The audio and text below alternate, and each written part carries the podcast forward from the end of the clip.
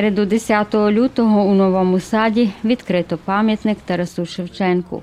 Пам'ятник відкрили посол України у Сербії Олександр Олександрович та мер міста Новий Сад Мілош Вучевич.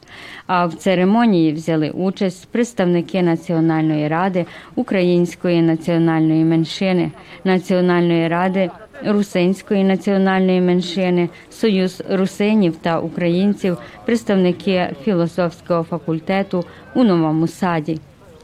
Пам'ятник освятив єпископ єпархії святого Миколая у Сербії Юрій Джуджар.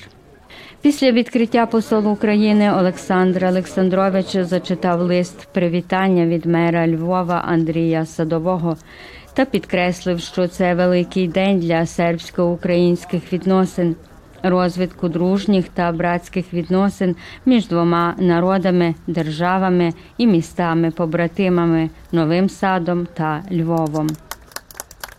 Danas jeste veliki dan za ukrajinski i srpski narod. Zahvaljujući mnogogodišnjoj saradnji i pobratimskim vezama između Lavova i Novog Sada, ličnim naporima oba gradonačelnika Andrija Sodovogo i Miloša Vučevića, podršci dva predsednika Ukrajine i Republike Srbije, što i inicijativi Ukrajinsko-rusinske zajednice u Srbiji, slavimo danas otvaranje biste Tarasu Ševčenku, rada poznatog ukrajinskog vajera Volodimira Cisareka, građana Lavova, građanima Novog Sada. A, imam zadovoljstvo da pročitam ličnu poruku od gradonačelnika Andrija Sadovogo. Poštovani gospodine gradonačelniče, poštovani građani Novog Sada, za građanje Lavova i za mene lično čast je da se pridružim istorijskom trenutku postavljanja biste Tarasa Ševčenka u gradu Novom Sadu. Mi smo uvek veoma poštovali naše srpske prijatelje, zato sam siguran da će ovaj poklon od građana Lavova građanima Novog Sada postati podsticaj za realizaciju korisnih inicijativa između naših gradova. Veoma mi je žao što ne mogu sada da budem zajedno sa vama. Istovremeno mi je izuzetno drago što će veliki ukrajinski pesnik, koga mi nazivamo prorok, postati još jedan simbol koji povezuje naše partnerske gradove. S poštovanjem Andriji Sadovij, gradonačelnik Lavova. Njegova e, ličnost je slična ličnosti Vuka Karadžića za Srbe. Mada Taras je bio pesnik i slikar, a Vuk filolog i reformator srpskog jezika, oba su bili snažni borci za slobodu svog naroda. Jezik Vuka ili pesme Tarasa, panslavizam prvog i drugog su bili potrebni srpskom ili ukrajinskom narodu da bi oni dobili svoju nezavisnost. Ševčenko je bio član slovenofilskog Čirilo-Metodijevog bratstva koji je zagovaralo slobodu, nezavisnost i ravnopravnost svih slovenskih naroda, što je bilo vrlo važno za tadašnju kao Ukrajinu, tako i Srbiju. Vuk Karadžić je nekoliko puta posetio Ukrajinu na ime Kijiv, Harkiv, Černjevci, ali takođe i Lavov.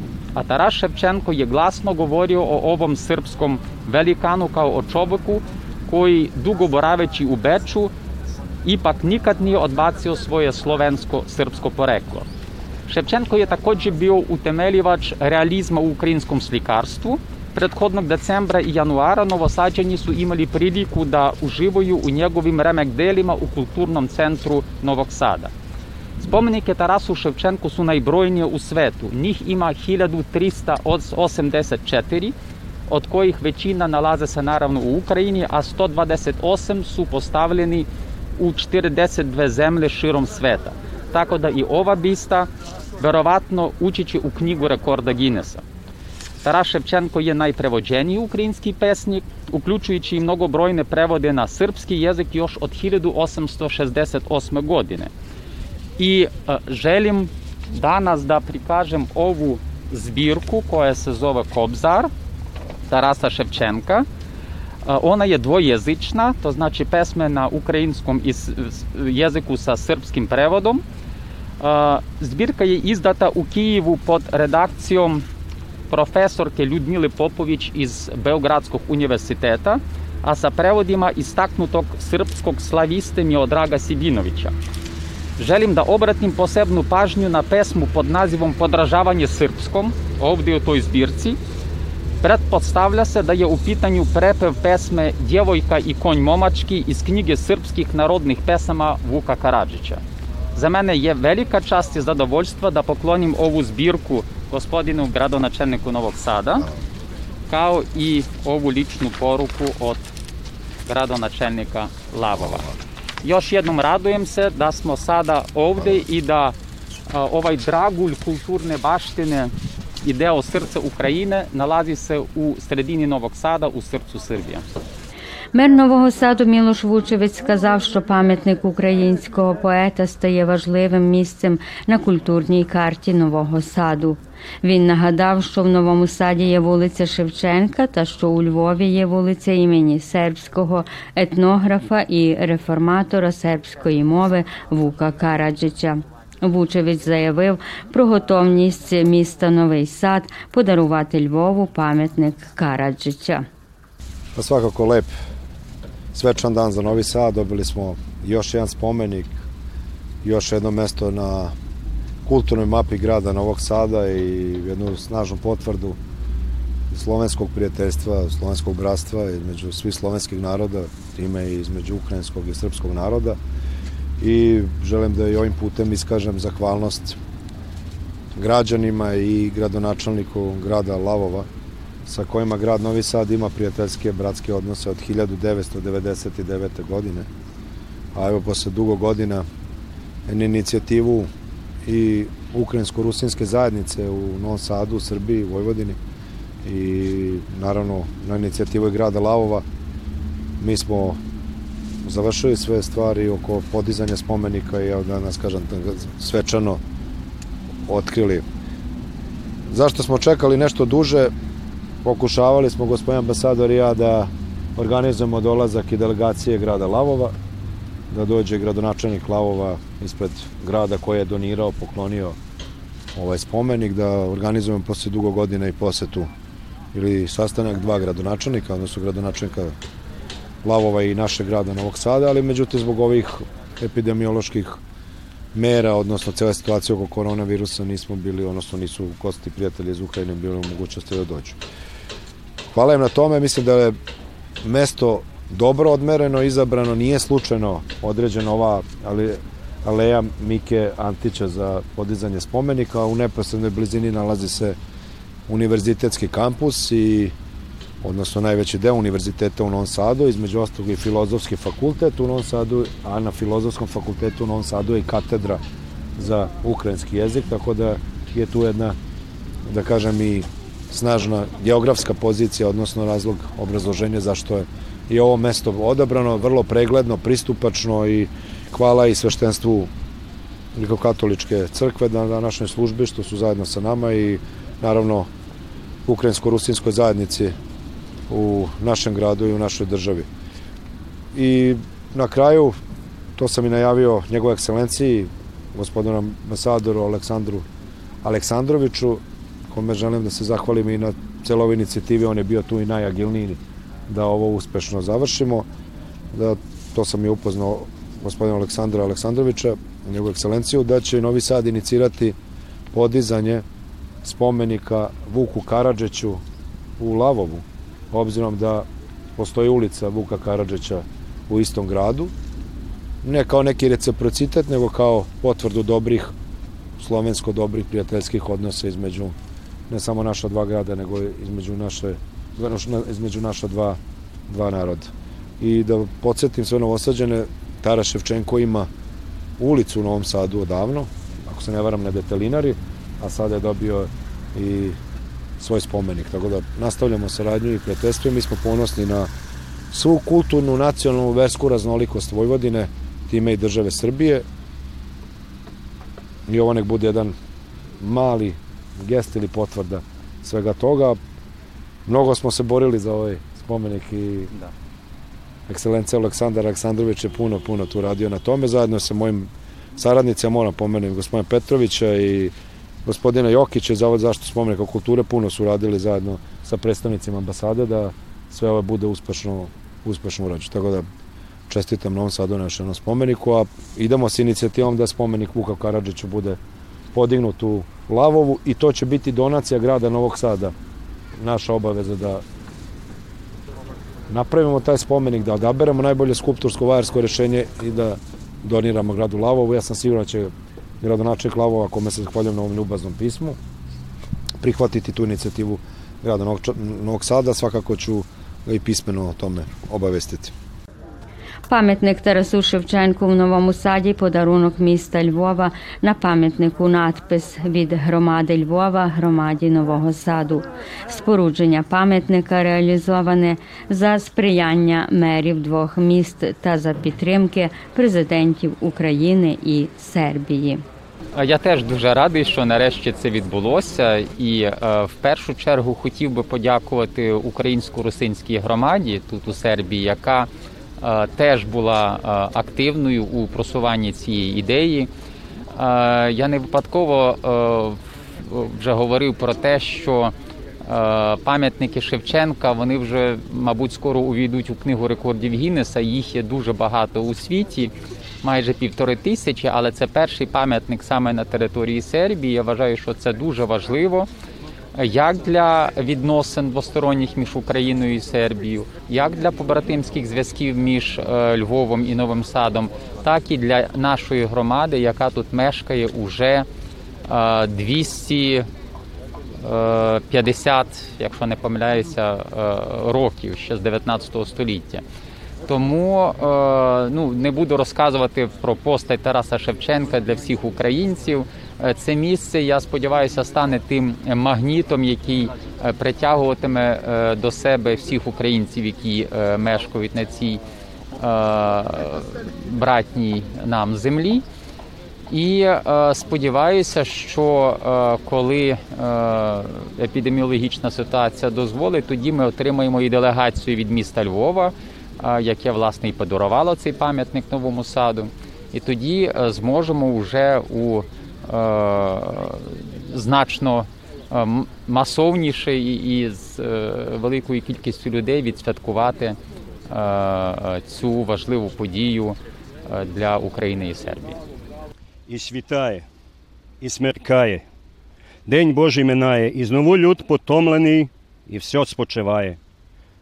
Тільки я, мов окаяний день і ніч плачу на розпуттях велелюдних, і ніхто не бачить, і не бачить, і не знає, оглухле, не чують, кайданами міняються, правдою торгують, Господа зневажають, людей запрягають в тяжкі ярма. Орють лехом, лехом засівають, то що вродить побачити, які будуть жнива. Скаменіться, недолюдки, діти юродиві, подивіться на рай тих і на свою Вкраїну, полюбіте щирим серцем велику руїну. Розкуйтесь, братайтеся в чужому краю не шукайте, не питайте того, що немає ні на небі, а не тільки на чужому полі. Автором бронзового погруддя висоти 1,05 метрів встановлено на постаменті із граніту висоти 2 метри. Є відомий львівський скульптор Володимир Цісарик. Сербія стала 47-ю країною у світі з пам'ятником Шевченка. За межами України, за підрахунками, є понад 100 пам'ятників, а разом з Україною понад 1500.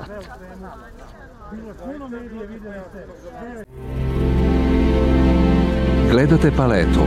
Izbor iz emisija na jezicima nacionalnih zajednica.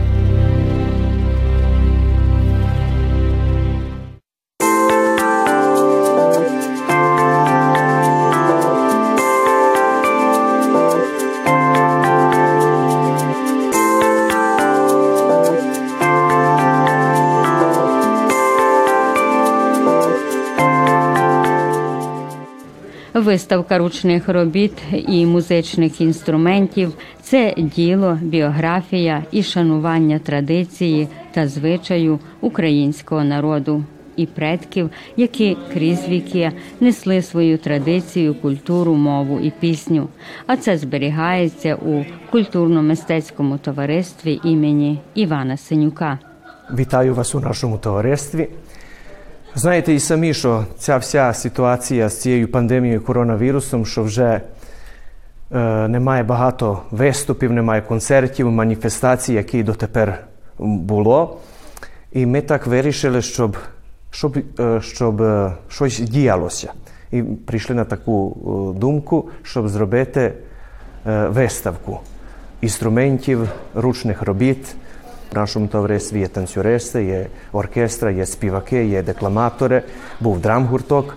Але колись існувала е, група жінок-вишивальниць, які вишивали для потреби товариства, якраз або вишити сорочку, або зробити деякі сегменти, які потрібні були за танцюристи, особливо для жіночого костюму, спіднич, спіднички. Але якраз цей гурток припинив свою роботу, але все ж таки по потребі, якщо ж потрібно, то ми покличемо тих жінок і вони е, за задоволенням відгукнуться на наш поклик, і вони прийдуть і знають свою роботу, що треба робити. Тут маємо вишиванки, маємо е, інструменти, маємо. Тут якраз є і одна ікона трьох святителів. Я можу тільки сказати, що вона з України принесена сюди. Значить, як наші виїхали з України з кінця 19 століття, початком 20-го, то о, вашого колеги-журналіста Василя Десишина, його прабабуся принесла з України, як залишала Галичину, а приходила в Боснію. Так що знаю, що це, це історія коротенька про ту ікону. Тут маємо такі фігурки, то вже вам відомі, то з України. Якраз ті дві фігурки вони з Канаді, з далекої Канади прибули тут як експонати до товариства. І так, у основному хочемо, щоб е, показати, що і за час пандемії товариство не вмерло, а проживає і буде жити. А так тут знаходяться інструменти, які є у фундації нашого товариства. Якраз тут бачите бандуру, є кобзе, є козобас. Е, баян його нам подарували у жовтні місяці минулого року. Один чоловік з Сербобрана подзвонив до товариства і сказав, що хоче подарувати одному товариству один баян. На ньому, каже, 25 літ ніхто не грав. Каже, я дарую, не, не хочу продавати, а подарую вам.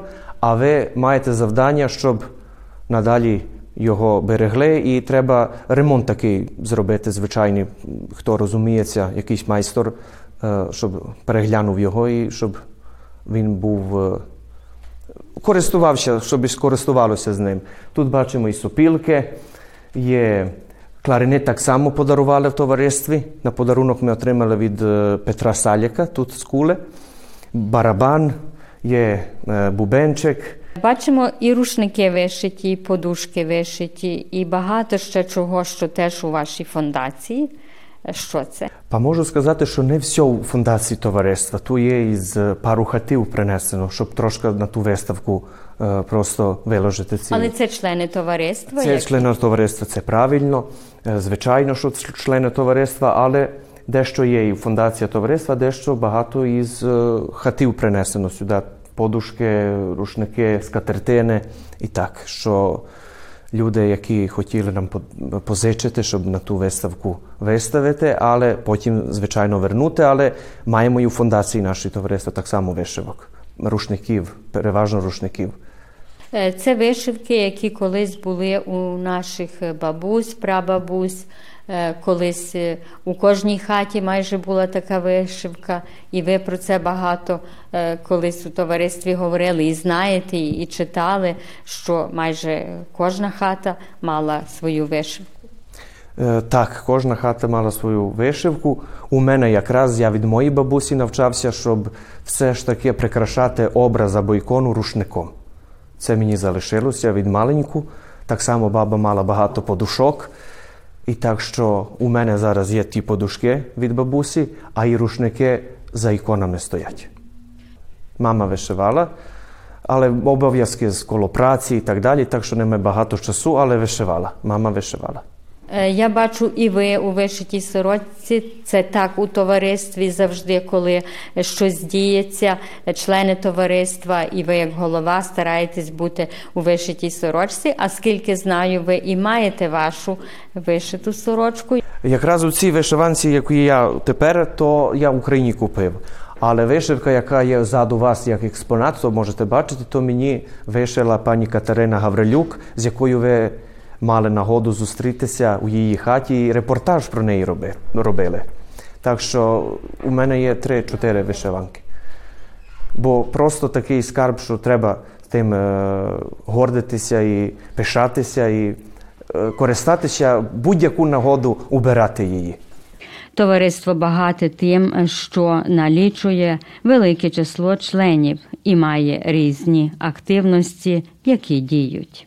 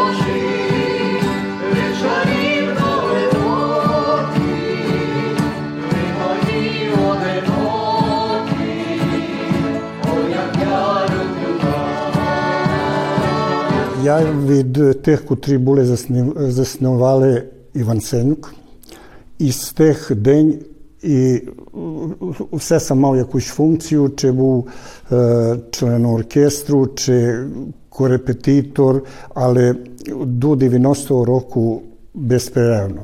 Туди сам мав трошки щось інакше ще стало зі мною, так що і дні сам був і тут, одну частину на Україні, Греції, і туди, як сам ще вернув сюди, е, менше більше старався ще бути з ними.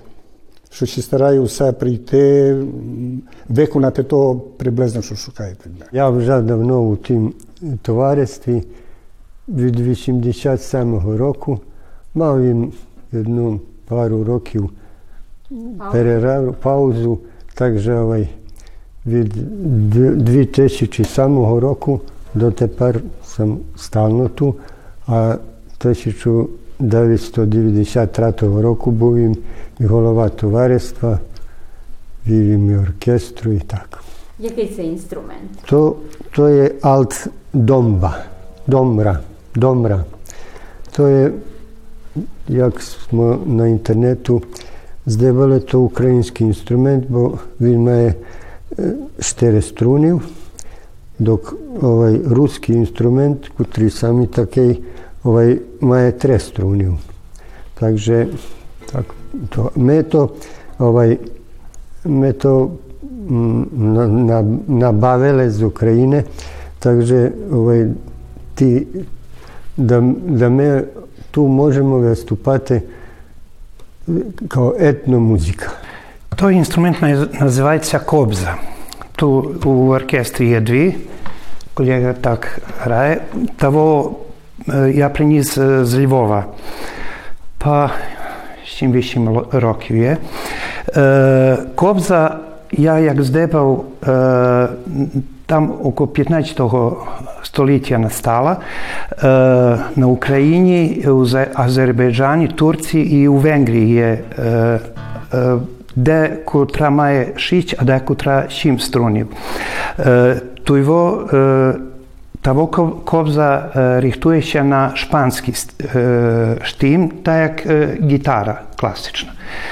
І вона углавном prateći instrument, e, ne, ne grajeći tільки соло, але файно е, з, ззаді файно Звучить. звучить так.